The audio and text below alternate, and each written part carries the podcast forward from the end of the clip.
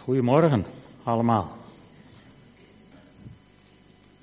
Het thema waar ik vandaag met jullie bij stil wil staan is geroepen. Het besef dat we geroepen zijn.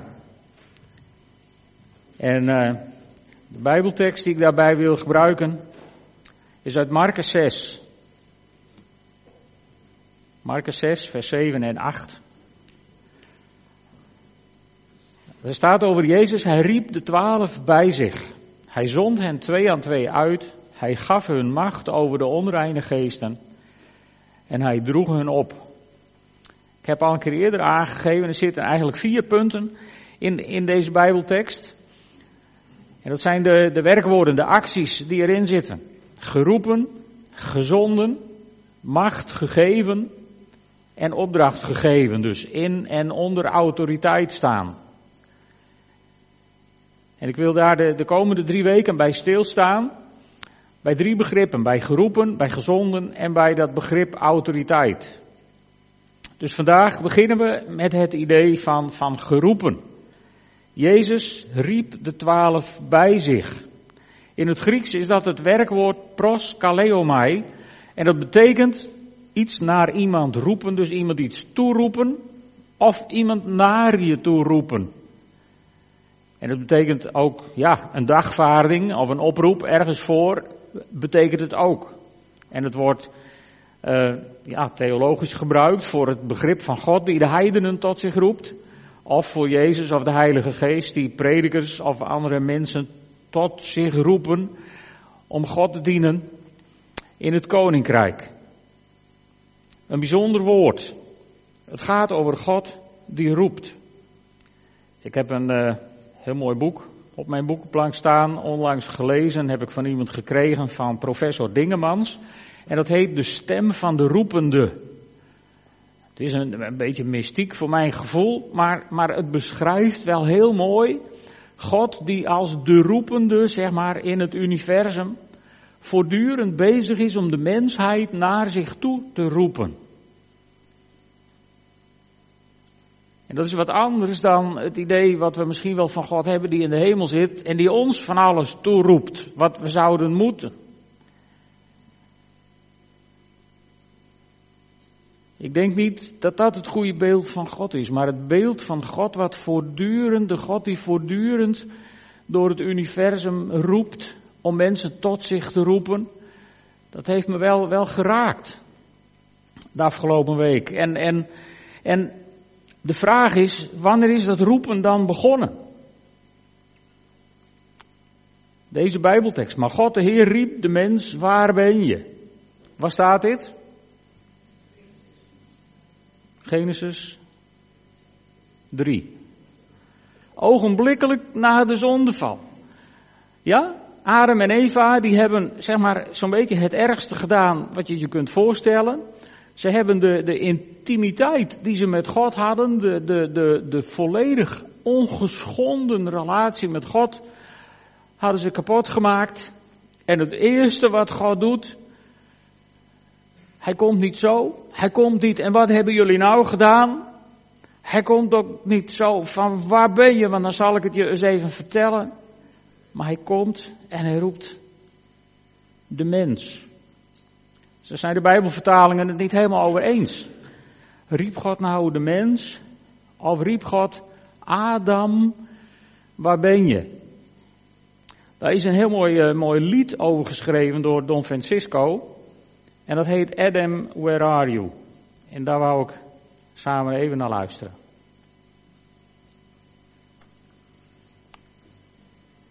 Als het lukt, ja.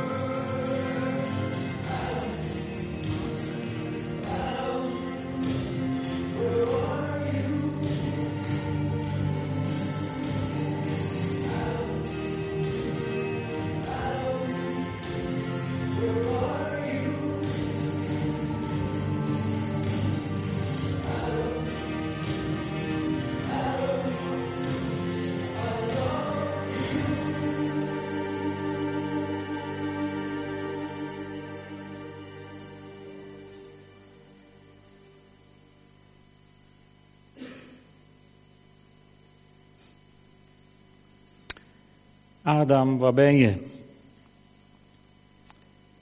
Wat raar hè, dat wij nog heel vaak het idee hebben dat God ons, ons roept. God, als we het hebben over, over, over roepen, geroepen zijn, dan denken wij heel vaak aan een taak, aan een klus, aan werken in Gods koninkrijk, aan moeilijk en lastig en ingewikkeld.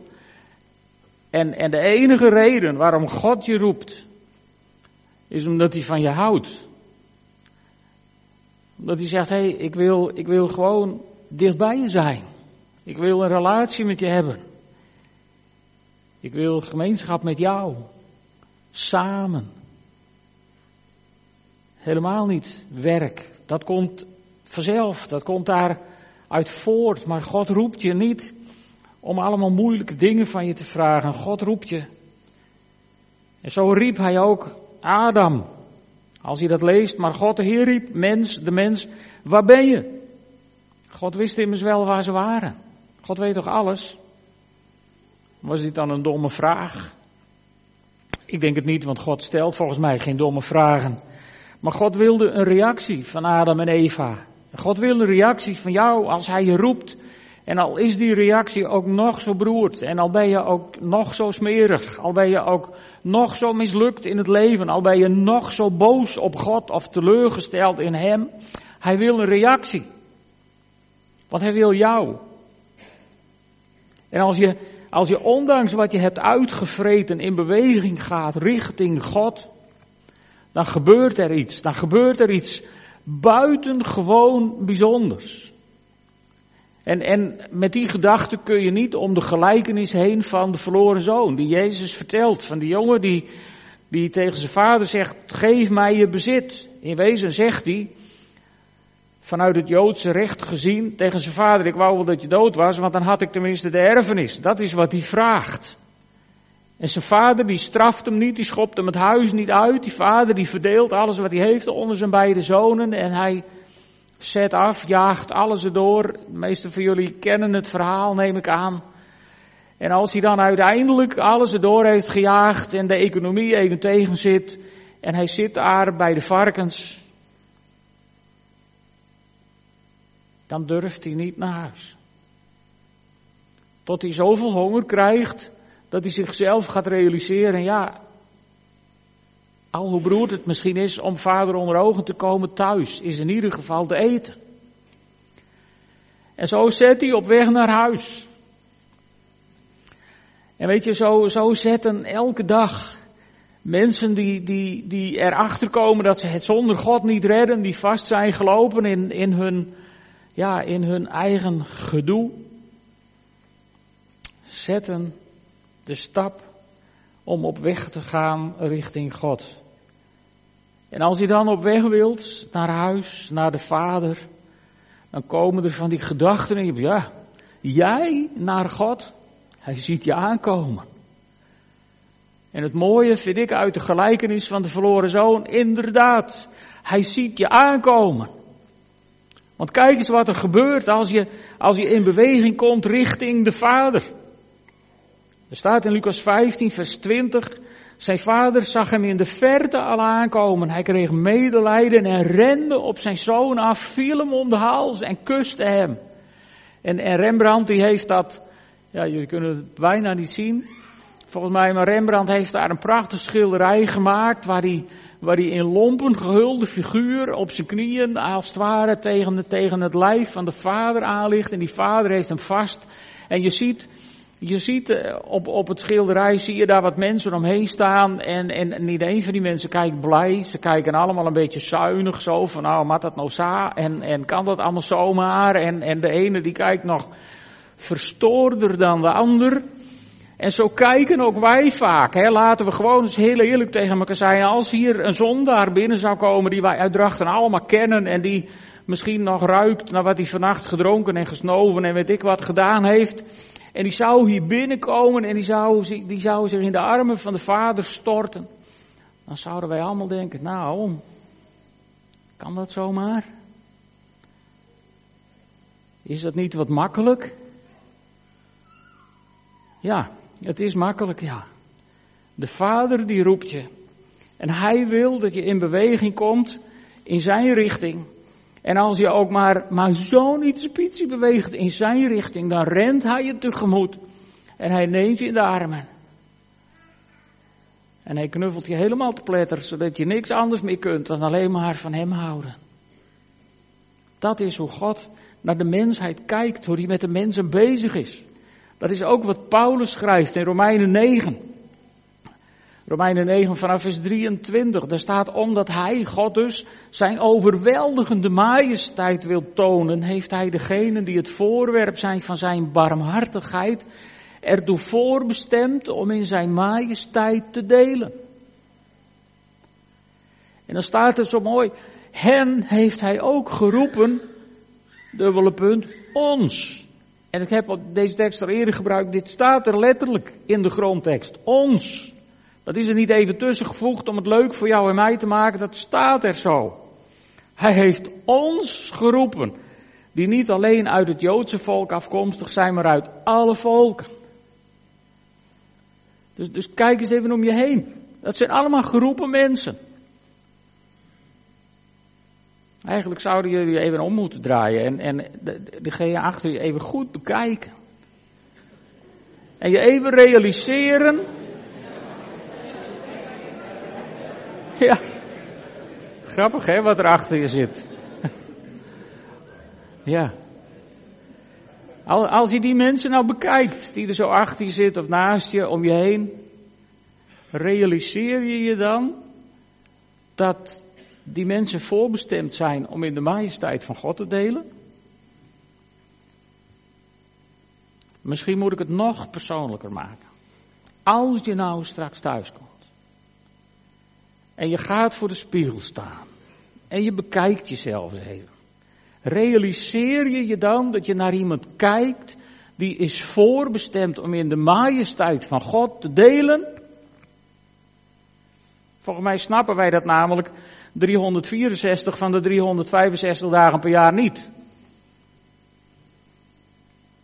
Wij zijn voorbestemd om in zijn majesteit te delen. En daarvoor zijn we geroepen. En die tekst, die is zo mooi in, in Romeinen. Zoals Paulus verwijst naar het Oude Testament. Zoals ook bij Hosea staat geschreven.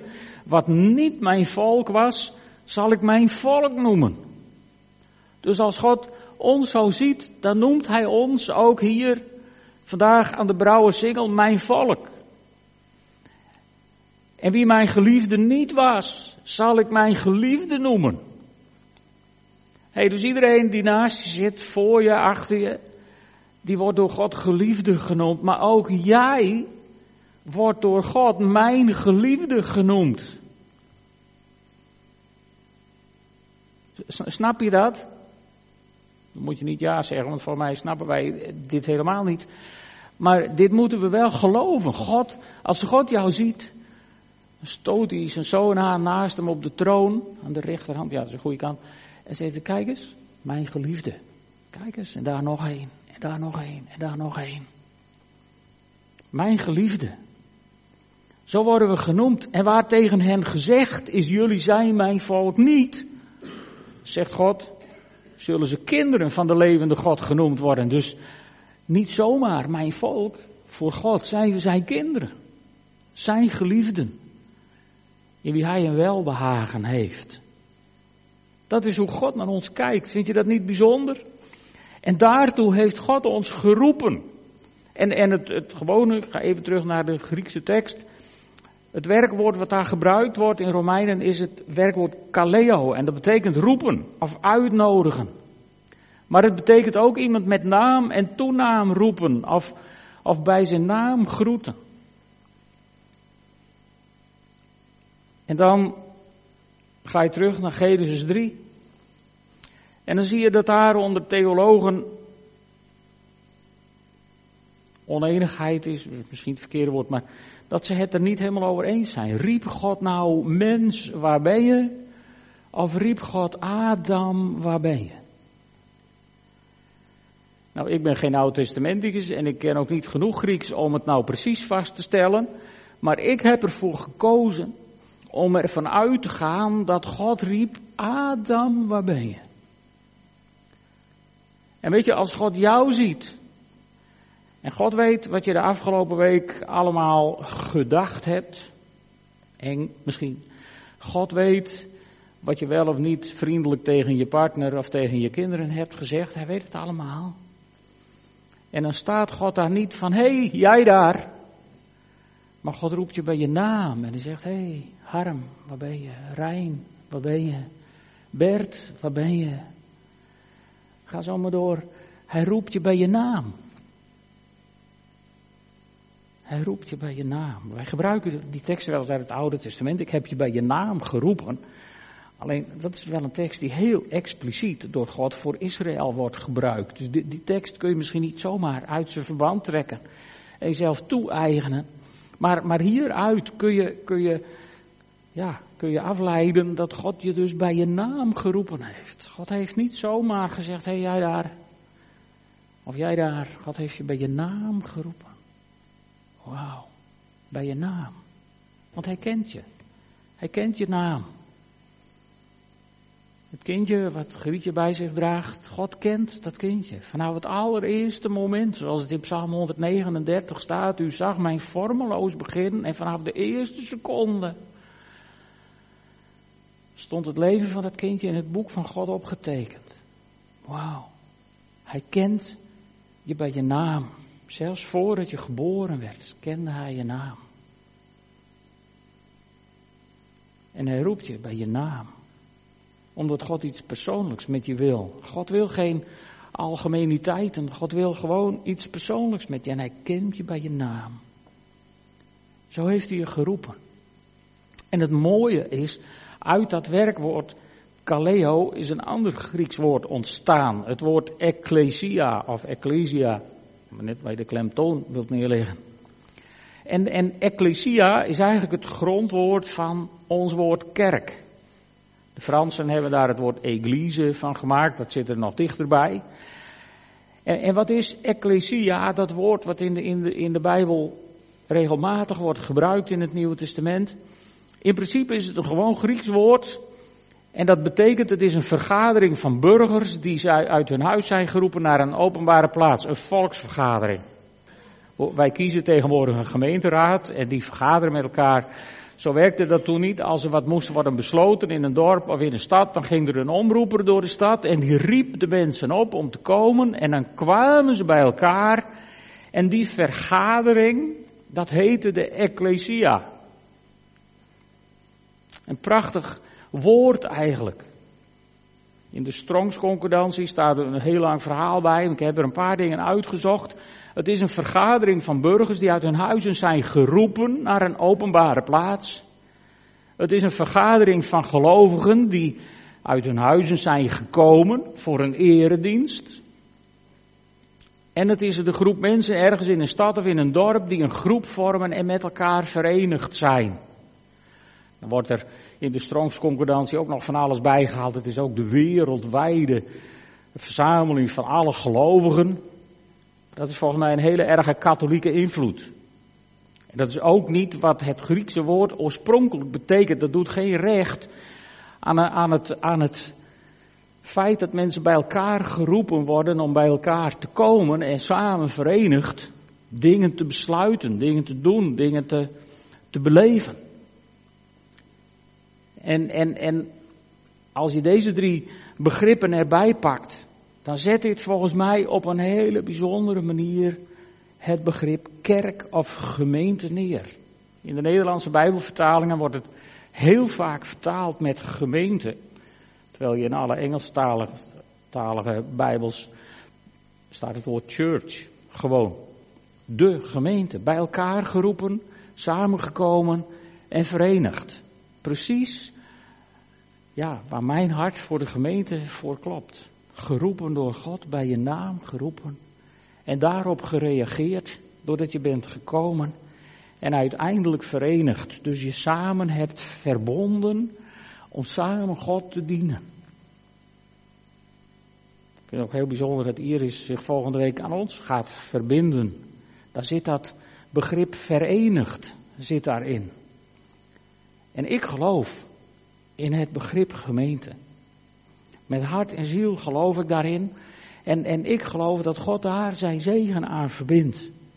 Geroepen, dat zijn alle mensen op deze wereld. Is mijn overtuiging, ieder levende mens op deze aarde is geroepen door God bij zijn naam.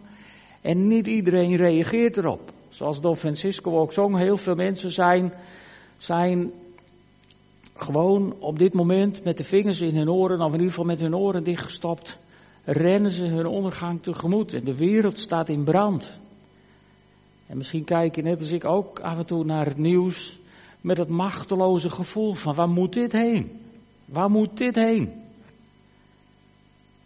Vanuit mijn bezigheid bij het Rode Kruis word ik er elke week weer mee geconfronteerd. En elke week weer loop je tegenaan dat we elke week weer een maand achterop raken met het opvangen van mensen die op de vlucht zijn voor de ellende op deze aarde, voor de hel die is losgebarsten.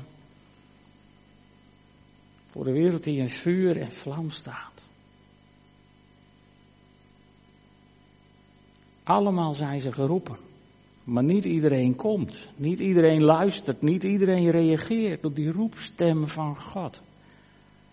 Toch is ieder mens die het tegenkomt door God bij zijn naam geroepen. En weet je, wij mogen daar, wij mogen daar medewerkers van zijn. Wij mogen daar een onderdeel van zijn. Als we mensen tegenkomen en we raken in gesprek over de, de diepere dingen van het leven, dan mogen we mensen vertellen dat ze door God zijn geroepen. Het initiatief ligt altijd boven. Dat ligt altijd bij God. Hij heeft mensen bij hun naam geroepen. Dat hoeven wij niet voor God of namens God te doen. Maar we mogen ze wel namens God proberen te verleiden om op die roepstem te antwoorden, door te komen, door in beweging te komen. En als mensen dan in beweging komen, is het belangrijk dat we ze in ieder geval adviseren om een plek te zoeken waar ze zich kunnen verenigen met andere gelovigen. Want je redt het alleen niet. Het is tegenwoordig wel erg populair misschien om, om, om, om te zeggen, nou, ik ben uh, onderdeel van de gemeente met een grote G. Dus ik heb die kerk niet nodig. Dat is een leugen. En de kerk doet het niet altijd even goed. Dat geef ik ogenblikkelijk toe. De kerk heeft er ook een zootje van gemaakt, want het bestaat ook uit mensen. Maar toch kun je niet zonder elkaar. Je hebt elkaar gewoon nodig. En, en het maakt mij niet uit of dat hier is of, of in een van de andere gemeenschappen in Drachten of in een andere plek waar je bij elkaar komt. Als je maar ergens bij elkaar komt. Als je maar mensen om je heen vindt om samen gehoor te geven aan die roepstem van God. En samen ergens te komen. En wat is dan belangrijk? Ik las uh, gisteren een stuk in het Fries Dagblad over een, uh, een gelovige uit India. Die was een bezoek bij een dominee hier ergens in Friesland. En daar stond heel mooi boven. Het gaat niet om de dialoog het gaat om vriendschap, om de relatie. En dat vond ik een interessante kop. Daar kon ik ook een heel eind in mee. Totdat vriendschap voor die man uit India moest inhouden dat je erkende dat al die andere religies, dat we uiteindelijk allemaal dezelfde God aanbidden. En dat je dus met heel veel respect daarin met elkaar moet omgaan. En ik ben het ermee eens dat je met respect voor elkaar moet omgaan. Maar ik kan me niet voorstellen dat er ook maar één andere monotheïstische religie op deze aarde is die in deze dwaasheid meegaat dat we allemaal dezelfde God aanbidden. Dat wilde bij mij niet in. Misschien is het mijn beperking, maar het wilde bij mij niet in. Verder had die man groot gelijk dat je met respect met elkaar moet omgaan en dat je een relatie met elkaar moet hebben voordat je met mensen over de diepe dingen van het leven kunt praten. Maar dat is gewoon zo. Dat is zo. Dat is ook met mensen die helemaal nergens in geloven, is dat belangrijk. Je kunt wel op een hoek van de straat staan gaan roepen, maar dat werkt vandaag de dag niet meer. Aan de andere kant komen jullie, net als ik, waarschijnlijk elke dag, als je ergens komt, veel meer mensen tegen die de Heer niet kennen als hun verlosser en zaligmaker dan, dan hier vanochtend in de kerk. Allemaal mensen die bij hun naam geroepen zijn door God, waarop God net als op de verloren zoon met open armen staat te wachten. Met de verkijker voor de ogen staat van zie ik hem aan de horizon al verschijnen. Als je toch iemand zou kunnen verleiden om ervoor te kiezen om op weg te gaan naar de Vader. Wauw. Wil je God zien rennen? Dan moet je iemand verleiden om een paar stappen richting God te zetten. Dan ga je wat beleven. Maar ik geloof niet in die universele God die in alle religies aanwezig is. Ik geloof veel meer in het fundament van de gemeente. Het fundament wat, wat door Jezus duidelijk wordt neergezet en ook door Paulus. Paulus schrijft in Efeze 2, vers 20 schrijft hij ook over de kerk die gebouwd is op het fundament van de apostelen en de profeten met Jezus Christus zelf als hoeksteen. Ik heb dat door een zichzelf profeet noemende persoon horen uitleggen alsof die mensen, dus die zich zo noemen, het fundament zijn van de kerk. En daar geloof ik niet in. Ik geloof overigens wel in Jezus Christus als de hoeksteen. Maar niet in mensen die het fundament zijn van de kerk. En daar wil ik even met jullie naar de tekst kijken waar het vandaan komt. In Matthäus 16, vers 18, daar zegt Jezus tegen Petrus, jij bent Petrus, de rots waarop ik mijn kerk zal bouwen. De paus heeft gezegd, oké, en ik ben de opvolger van Petrus, dus ik ben, dat geloof ik ook niet. Maar goed, we zijn op weg naar wat ik wel geloof. Jij bent Petrus de rots waarop ik mijn kerk zal bouwen en de poorten van het dodenrijk zullen haar niet kunnen overweldigen. Die is dan weer bemoedigend als hij voor het journaal zit, vind ik, of de krant leest, over, over de hel die op deze aarde lijkt losgebarsten te zijn in het Midden-Oosten. De poorten van het dodenrijk zullen haar niet kunnen overweldigen. Ik las van een week een paar zinnen van dominee Deelstra uit op einde. Die is net naar een, uh, om niet nader te noemen land in het Midden-Oosten geweest. Heeft daar veel christenen ontmoet in die oorlogsgebieden. Die ervoor kiezen om daar te blijven. Omdat ze dit geloven. De poorten van het dodenrijk zullen de kerk hier niet overweldigen. Wat een moed moet je hebben om dat te doen. Maar, maar wat was nou zeg maar, dat fundament. Ik geloof dat het fundament is wat Petrus heeft uitgesproken. Want vlak voordat Jezus dit tegen Petrus zegt, toen had hij aan zijn discipelen gevraagd, wie zeggen de mensen dat ik ben? Nou, dat hadden ze wel ongeveer gehoord. In de wandelgangen hadden ze ongeveer gehoord wat iedereen van Jezus vond. En, en toen vroeg Jezus, heel persoonlijk, en wat zeg jij nou van mij? Hoe denk jij over mij? En dan zegt Petrus die geweldige woorden. Dan zegt hij, u bent de Messias, de zoon van de levende God. Dat is voor mij het fundament van de kerk. Meer theologie hoef je voor mij ook niet beslist te kennen om je geroepen te weten en te komen en je te verenigen met een gemeente. Als je dit gelooft, dan ben je volgens mij bij er. Dat hebben we wel erg moeilijk gemaakt, moet ik eerlijk zeggen. Soms praat ik met mensen die, die er alsmaar tegenaan hangen, bijvoorbeeld om gedoopt te worden. Of mensen die er alsmaar tegenaan hangen om zich aan te sluiten bij een gemeente.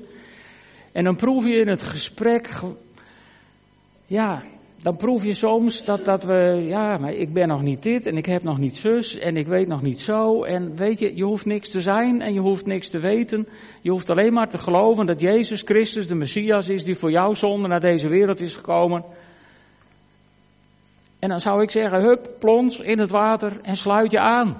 Bij een gemeente. En ik zou het fijn vinden hier. Zoveel gevoel heb ik nou ook nog wel. Ja, fijn. Dus, dus zit je hier nog steeds te aarzelen, dan doe ik toch opnieuw een beroep op je. Op grond van dat prachtige Griekse woord ecclesia ben ik daar gekomen, hè? Je bent geroepen bij je naam. Nou reageer daar dan op. Kies de consequenties door te zeggen, yes, deze God ga ik volgen. Voor deze God ga ik niet door het vuur, dat hoeft niet, maar ga ik door het water. En voor deze God kies ik een gemeenschap waar ik me bij aansluit om overeind te blijven, om te groeien en om sterker te worden en om gewoon elke zondagmorgen een feestje te vieren voor deze God. Die mij bij mijn naam heeft geroepen. Halleluja. Wat een geweldige toekomst heb je dan te pakken. En weet je, die kerk, die gemeenschappen, die zijn levend, want God is daarbij betrokken. In Handelingen 2, daar lees je over de eerste gemeente. De Heer breidde hun aantal dagelijks uit met mensen die gered willen worden. Er zijn nog een stuk wat vertalingen. En ik heb de King James versie er even onder gezet. En dat vind ik zo mooi. The Lord added to the church daily. Dus hier wordt het woord kerk gewoon weer gebruikt, zoals het hoort. En de Heer voegt toe. De Heer brengt mensen. We hoeven niet met het schepnet de straat op om ze te vangen. De Heer brengt mensen. En dan mogen wij samen in gesprek over de keuzes die je maakt. Dingen die je kunt doen om dat willen volgen van God zichtbaarder te maken. Want uiteindelijk ben je door God geroepen om Hem te volgen. Een paar dingen nog over dat volgen. Het begint zo mooi in Marcus 1. Jezus Net in het begin van zijn bediening, die loopt langs het meer van Galilea, die ziet Simon en Andreas vissen. En hij zegt tegen hen, kom, volg mij. Dus hij riep ze en hij zegt, ik zal van jullie vissers van mensen maken. En met één staat lieten ze hun netten achter en volgden hem. En iets verderop zag hij Jacobus, de zoon van Zebedeus en zijn broer Johannes, die in hun boot bezig waren met het herstellen van de netten. En direct riep hij hen, ze lieten hun vader Zebedeus met de dagloners achter in de woning en volgden hem. Dus Jezus roept, hij roept je bij je naam. En hij zegt, kom maar, kom maar met mij mee, volg mij. Want de weg die je nu gaat door het leven is een heilloze weg en die leidt tot niks. Maar kom maar, kom maar met mij mee, volg mij. En dan ga ik met jou, gaan we samen de reis aan door het leven. De reis van je leven is dat. Absoluut. Dus zo ben je aan het volgen. En dan denken wij, ja, maar als ik Jezus ga volgen, dan moet ik van alles. Nee, je moet helemaal niks. Paulus die zegt het zo geweldig in Galaten 5, vers 13. U bent geroepen om vrij te zijn. Die vrijheid moet je dan niet misbruiken, want je hebt ook met andere mensen te maken in je leven. Maar je bent geroepen om vrij te zijn. Ik hoor heel vaak van, van niet-christenen, niet-kerkelijke mensen. Dat ze niet naar de kerk willen, want dan moet je van alles. En ik vind dat zo verdrietig. Maar misschien hebben we als kerk mensen wel te veel jukken opgelicht. Paulus zegt, je bent geroepen om vrij te zijn. Want weet je, er is pas echte vrijheid als je door Jezus Christus bevrijd wordt van het juk, van de slavernij aan de economie waar we momenteel met z'n allen aan zijn overgeleverd. Als je bevrijd wordt van het juk van de zonde, als je bevrijd wordt uit de macht van het kwaad. Je moet van alles in het leven en pas als je bij Jezus Christus terechtkomt met je leven, dan hoeft het ineens allemaal niet meer zo nodig. Dan ben je vrij. Er is vrijheid in Christus. En bovendien zijn we geroepen om de majesteit van God te tonen. In Efeze 3, vers 10, daar staat, zo zal nu door de kerk de wijsheid van God in al haar schakeringen bekend worden aan alle vorsten en heersers in de hemelsferen. Ja, zo staat het in Efeze, maar ik geloof dat het ook voor de mensen om je heen zichtbaar wordt. Als je je laat leiden door Jezus Christus, dan zullen mensen om je heen dat zien. En het volk Israël, dat is ook vaak door God aangespoord. Waar God zegt, ik heb jullie apart gezet. En, en het volk Israël had een opdracht om anders te leven dan de heidense volken om hen heen. Niet, niet om, om die heidenen te laten zien van nou jullie zijn slecht en fout. Nee, maar om die heidenen tot nieuwsgierigheid te prikkelen. Zodat ze zouden zeggen, wat is dat toch voor bijzonder volk. Wat niet achter afgoden en beelden en toestanden aanloopt, maar die God aanbidt en daar zijn vreugde in vindt. Wauw. Dat was de opdracht voor het volk Israël. Dat hebben ze in het Oude Testament niet waargemaakt, maar het is nog steeds de opdracht van God voor het volk Israël en voor de kerk, voor de ecclesia. De geroepenen die gekomen zijn en zich verenigd hebben, die hebben als grote opdracht om de wereld tot nieuwsgierigheid te prikkelen. Wat is dat toch met die God waar jullie in geloven? En als de mensen die vraag stellen, dan kom ik bij het laatste waarvoor we geroepen zijn. Het is een prachtige tekst. Heel veel christenen kennen hem ook wel. 1 Petrus 2 vers 9. U bent een uitverkoren geslacht. Je zou in je Bijbel gewoon moeten schrijven, ik ben een uitverkoren geslacht. Jij bent een koninkrijk, je hoort bij een koninkrijk van priesters. Een heilige natie, een volk dat God zich verworven heeft om de grote daden te verkondigen van Hem die u uit de duisternis heeft geroepen naar zijn wonderbaar licht. Nou, die laatste teksten, daar komen we vast nog een keer op terug.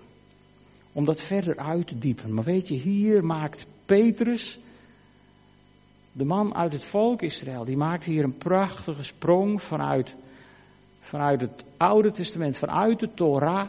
Want deze tekst komt uit de Torah, waar, waar het volk Israël zo wordt aangesproken. En Petrus die tilt hem in één keer over het hele Oude Testament heen en legt hem aan het eind in het Nieuwe Testament naar ons toe. Eens niet zijn volk, nu ook zijn volk, onderdeel van zijn volk. Een koninkrijk van priesters geroepen, gekomen en verenigd. Om uiteindelijk de grote daden van God te laten zien in deze wereld. Zullen we gaan staan en een moment bidden? Vader in de hemel, ik dank u wel dat u op een dag uw vinger op mijn leven legde. En zei, Willem, waar ben je? En Heer, het was uw genade dat ik daarop mocht reageren. Heer, en zo is het voor iedereen die hier staat nu. Iedereen die hier is. Heer, u hebt ons allemaal op een dag aangewezen. En onze naam genoemd.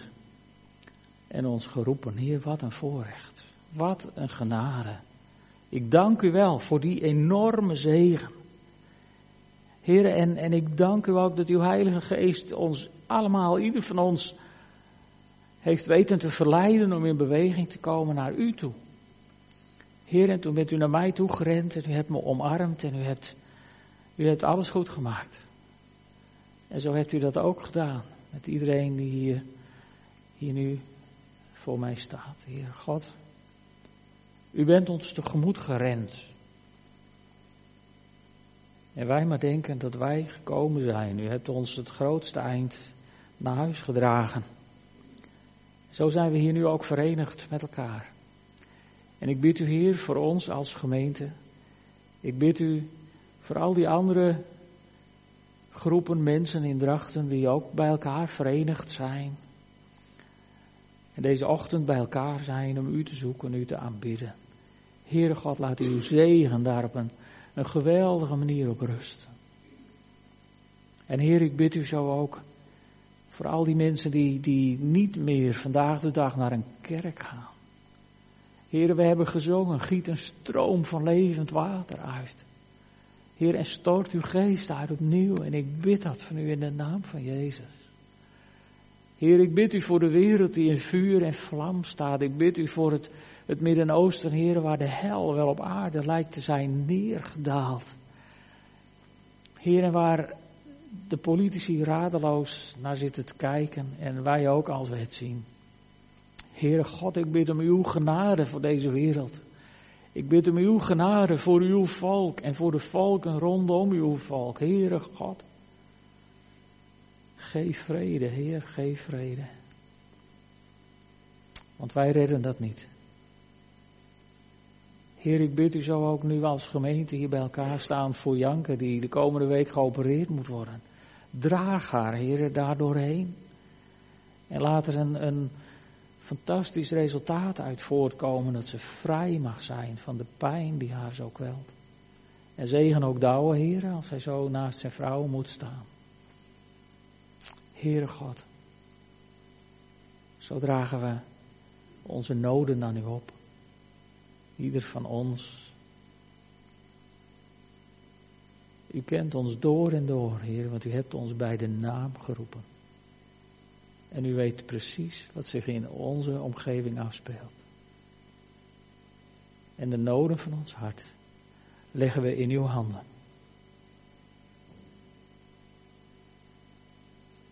Heer, u hebt ons geroepen. We zijn door uw genade naar u toegekomen. En we hebben ons verenigd als gemeente. En zo staan we als gemeente voor uw aangezicht. Wij loven en prijzen u. We eren u, Heere God.